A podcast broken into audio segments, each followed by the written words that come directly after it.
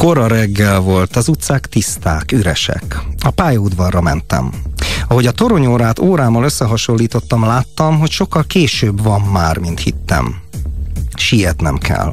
E felfedezésemtől megrémültem, elbizonytalanodtam utamban, nem ismertem még jól a várost. Szerencsére akadt a közelben egy rendőr. Oda siettem hozzá. És lélekszakadva kérdeztem tőle az utat. Mosolygott és azt kérdezte. Tőlem akarod megtudni az utat? Igen, mondtam, mert magam nem találom. Add föl, add föl. Mondta, és nagy lendülettel elfordult, mint aki nem akarja, hogy nevetni lássák. Ez a Per című film, amely ö, Franz Kafka regényéből Orson Welles által írt forgatókönyv alapján Orson Welles rendezésében. Tehát és nem Welles az, amit játszott. néhány évvel, vagy bocsánat, talán egy évtizeddel jó az pár évtizeddel, szerintem az ilyen 90-es években készült film, az, az újabb, az de újabb mi most nem verzió. arról beszélünk. Nagyon nem arról beszélünk, de abban is jegyzett színészek játszanak, például Kyle MacLachlan, meg Anthony Igen. Hopkins. Nem annyira rossz. Nem, az de, de hol van, ha hol van az Orson Welles féle változat? az Orson Welles, ja, ha valaki látta az Orson Welles féle változatot, az onnantól kezdve nem fogad el semmit.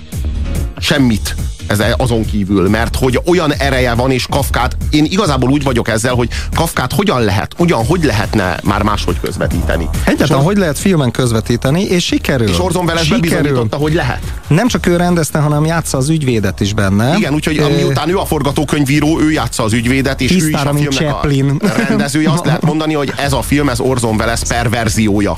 Így van. Mert hogy ez a verzió a perről konkrétan Orson Welles által ö, legyártva, megalkotva és valóban perverz.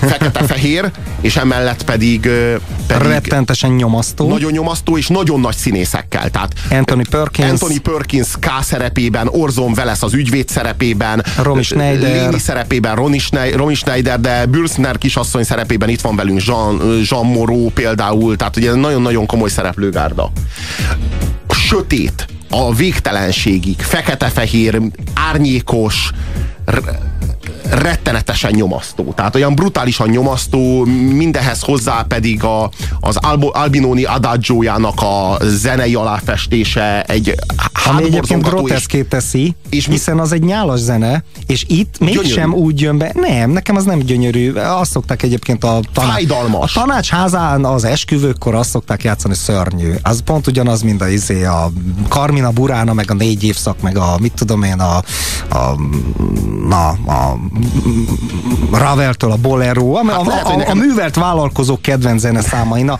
körülbelül ez nekem... az Albignoni adagiója, de, de, de, de itt nagyon jól jön, mert itt groteszkét teszi az egészet, tehát egy dupla csavar van rajta, nekem legalábbis, aki nem szeretem az adagiót. De én viszont az adagiót innen ismerem. Én, ebből, én, én nem az esküvőkről és nem a vállalkozóknak a partiairól ismerem az adagiót, hanem ebből a filmből ismerem az adagiót, ezért az én számomra az adagió ezt jelenti. Tehát nekem ez, nekem ez, ez innen a barok szégyene meg bennem. A barok szégyene? Igen. És hogy tud ennyire modern lenni, hogy ebben a filmben ilyen jól működjön? Én nem tudom. Nagyon ez Orson Welles kell? Nagy, ez Orson Welles kell, pontosan, pontosan. Beszéljünk a perről. A per tulajdonképpen maga a valóság. Régen mindig hozzá, mindig, mindig azt mondták, ugye, hogy a sztálinizmus, meg Orwell, meg ezeket, de aztán rájöttem, hogy sokkal ta mélyebb és tágabb jelentése van ennek. Egzisztenciálisabb. Ez maga az, amiben élünk. Így van. Valaki megvádolta József Kát, bekerül egy, egy gépezetbe, ahonnan nincs visszaút, és a végén várja őt a halál. Ö, észrevettétek már, kedves rádióhallgatók, hogy mindannyian egy halálos ítélettel születtek? Amikor megszülettetek, abban a pillanatban halára lettetek halára ítélve. lettetek ítélve, és megkezdődik a ti számotokra a síralomházban el, eltöltendő, ítéletig eltöltendő néhány év vagy néhány évtized. Minden esetre egy per az, ami zajlik ellenetek, aminek a vége, tulajdonképpen ez egy koncepciós per, hiszen már megvan az ítélet, az ítélet pedig halál.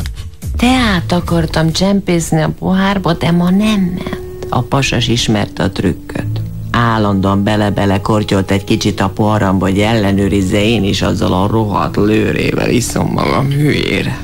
Bocsásson meg. A fenében már megint itt tartok.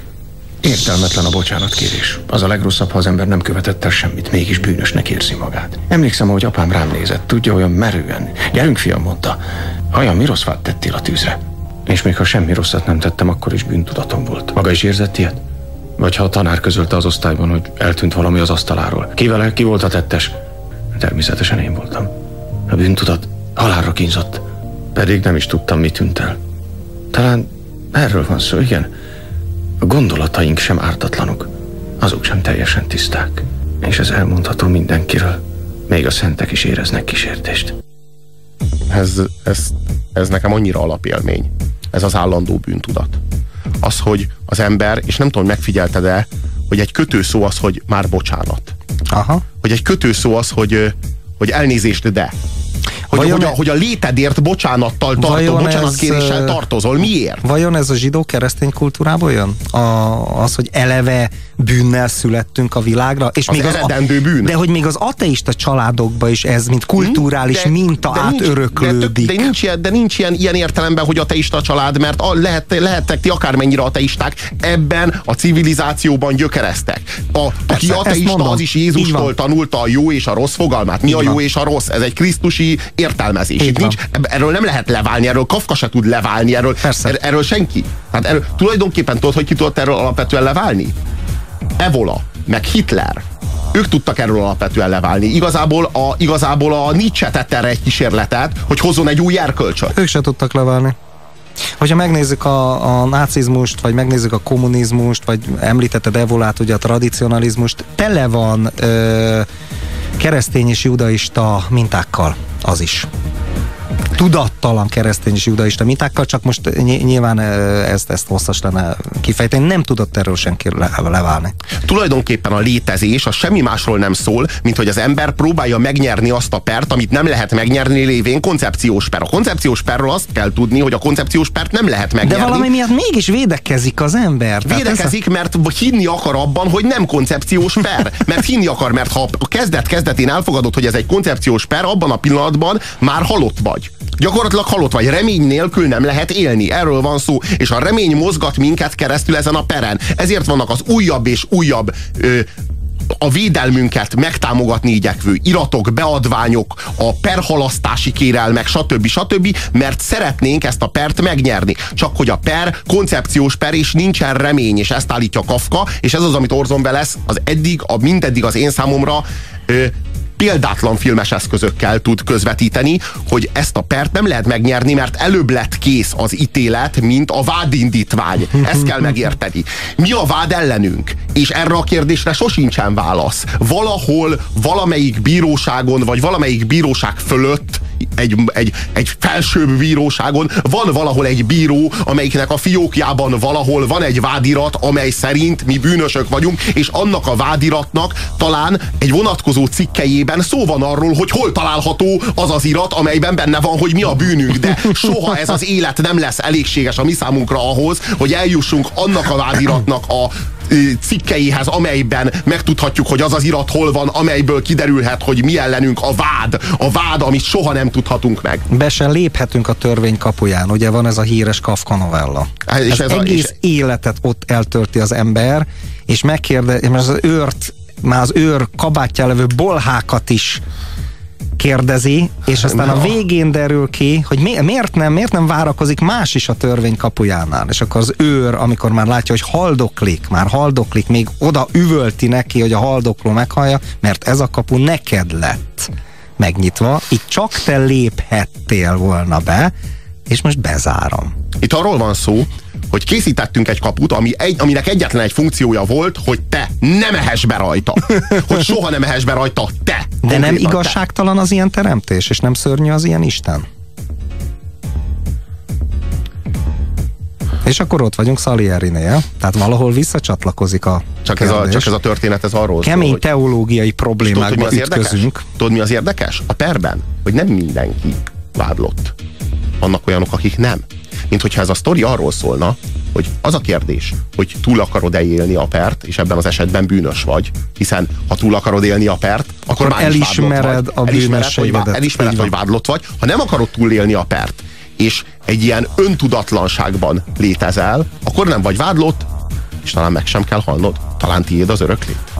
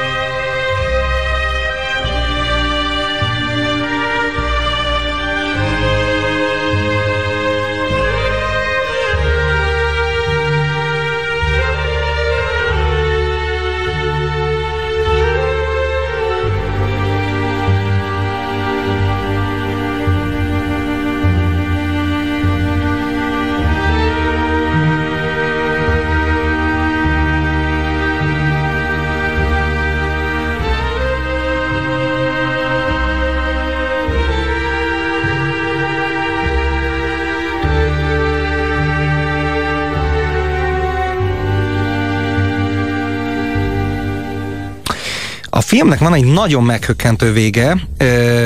Orson Welles tulajdonképpen megváltoztatta a regényt. A regényben ugye úgy van, hogy leszúrják, és akkor az utolsó gondolata Kának az, hogy mint egy kutya, az a megaláztatás, mint egy kutya, úgy döglünk meg, csak ez persze nincs leírva, csak mint egy kutya, és bedobják őt a folyóba. Ehhez képest a film végén fölrobbantják Anthony Perkins-t. és én ezt sos, sose megváltozott, és ezt nem értettem. Szerinted mi? Mi, mi, mi ennek a, a jelentése? Itt arról van szó, hogy a törvényszolgák, akik egyébként maguk a kivégző osztak, tehát ők, ők, velük korábban törvényszolgaként találkoztunk, ők, ők ahhoz is aljasak, és ahhoz is, ahhoz is nyomorultak, és ahhoz is gyávák és férgek, hogy egyáltalán effektíve egy kést belemártanak kába, hanem ők felrobbantják, mert az úgy egyszerűbb, mert az úgy... Mert ahogyan, az a, ahogyan a bombázó igen, gyilkol, pontosan, pontosan. szemben azzal, aki a csatatéren szurony rohamott. Igen, igen, igen. Aha, igen, aha, igen. aha. Tehát, hogy, hogy ez, egy, ez egy sokkal indirektebb módon megtörtént kivégzés. Gombot megnyomni. Igen, hogy pont, pontosan erről van szó, hogy még ahhoz is gyávák, hogy effektíve végrehajtsák rajta az ítéletet. Akkor igen rossz véleménye van Orson Wellesnek a törvényszolgáiról. És az a csodálatos, hogy Orson Welles egy kafkai elemmel tudta Kafkát még bővíteni. Tehát, hogy így Kafka se gondolhatta volna ezt még így ebből talán annyira úgy van, hogy... Tovább gondolta Kafkát, így van. Kafkaibb lett egy fokkal. Zseniális, zseniális. Nekem nagyon tetszik ez a magyarázat. Felhívja magára a figyelmet, K. úr. Felhívom a figyelmet. A magáit hívom fel arra, hogy nem adta vissza az igazolványaimat. Csak nem feltételezi rólunk, hogy nem tudjuk ki maga. Ez a viselkedés K. úr nem válik éppen az ügye javára. Szeretném tudni, mi az az ügy, amiről beszél. Nem beszélek semmilyen ügyről. Tehát miért nem? Miért nem beszél róla? Mi a vád ellene? Nem az én dolgom, hogy erről beszéljek. Felügyelő úr? Tessék. Mi a vád ellenem? Mondja, K. úr. Ön azt állítja, hogy ártatlan? Természetesen. És panaszt teszek sértésért és polgári jogaim lábbal tiprásáért is. Várjon, ne ilyen Nem ismerem ugyan a jogi fogalmakat, de szerzek ügyvédet, hogy segítsen ebben. A családom egyik bizalmas barátja történetesen jó nevű ügyvéd. Azzal fenyegetőzik, hogy hivatalosan tesz panaszt? Istenemre megteszem. És megemlítem azt is, hogy otromban vesztegetésre próbáltak rávenni. Ott a barátnője. Megjött Birster kisasszony. Igen. Egyébként nem a barátnőm, de ez nem tartozik magára. Itt akar maradni egész reggel? Mi dolga még? Új lenyomatot vesz? Azt inkább az őrszobán. Őrszobán? Hol tehetne máshol hivatalosan panaszt? Arról nyugodtan megfeledkezhet. Feljegyeztem. Azt a szót is használta, hogy fenyeget. Nem, maga használta. Mi ez itt? Mi ez a pornográf? Ó, ne akarja ezt felhozni ellenem. Ne? Csak a piszkos a fantáziája. Bocsásson. Nem, kérem, kérem, ne menjen el, ne menjen kruvakni. Ha ez jegyzőkönyvbe kerül, nem kelt majd jó hatást, K. úr. Az embereim szerint igyekezett megakadályozni, hogy ezt lejegyezzék. Csak nem akartam, hogy bolondot csináljanak magukból. Itt van, tessék, ovuláris. Micsoda? Ovuláris. Nincs is ilyen szó. Grubachni asszonynak fogorvos volt a férje. Csak tudnám, mi köze ennek a maga ügyéhez, K. úr. Nem mondtam, hogy köze van hozzá. Akkor miért említ ilyeneket? Csupán azért, hogy megmagyarázzam, mi az az ovuláris vonal. Ovuláris vonal... Maga tehát komolyan leír mindent szó szerint? A jegyzőkönyvre ugyebár szükség van, de ez a bolond fecsegés... Ez aztán nem kell majd túl jó hatást, elhiheti nekem. Bizony, K. úr. Sőt, rossz hatást kelt. Ovuláris. Ovuláris a ostoba primitív anyádat, nem ovuláris, hanem ovális. Ovuláris, mi, mit nem is érted, csak írod. Ez a, annyira olyan mélységes a kiszolgáltatottsága ennek a kisembernek, ennek a kishivatalnoknak az állami gépezettel szemben. És ez a kiszolgáltatottság, ez nem csak egzisztenciálisan a létezéssel szemben, szemben. A, az államhatalommal szemben ugyanúgy működik ennek, ennek, a, ennek a pernek, ennek annyi értelmezése van, ahány síkon létezünk. Ahány síkon létezünk, annyi síkon zajlik ellenünk egy per, és annyi síkon veszítjük el. És naponta. És az a kérdés, hogy mi, miért zajlik ellenünk a per? Azért, mert Kafka ezt megírta, és most már tudunk róla? Vagy anélkül is zajlik a per? Anélkül is zajlik, csak Kafka jó médiumként látta. Hányas ez a film a mi számunkra? Az Adagio miatt csak kilences. Én azt mondanám, hogy az Adagio miatt tízes.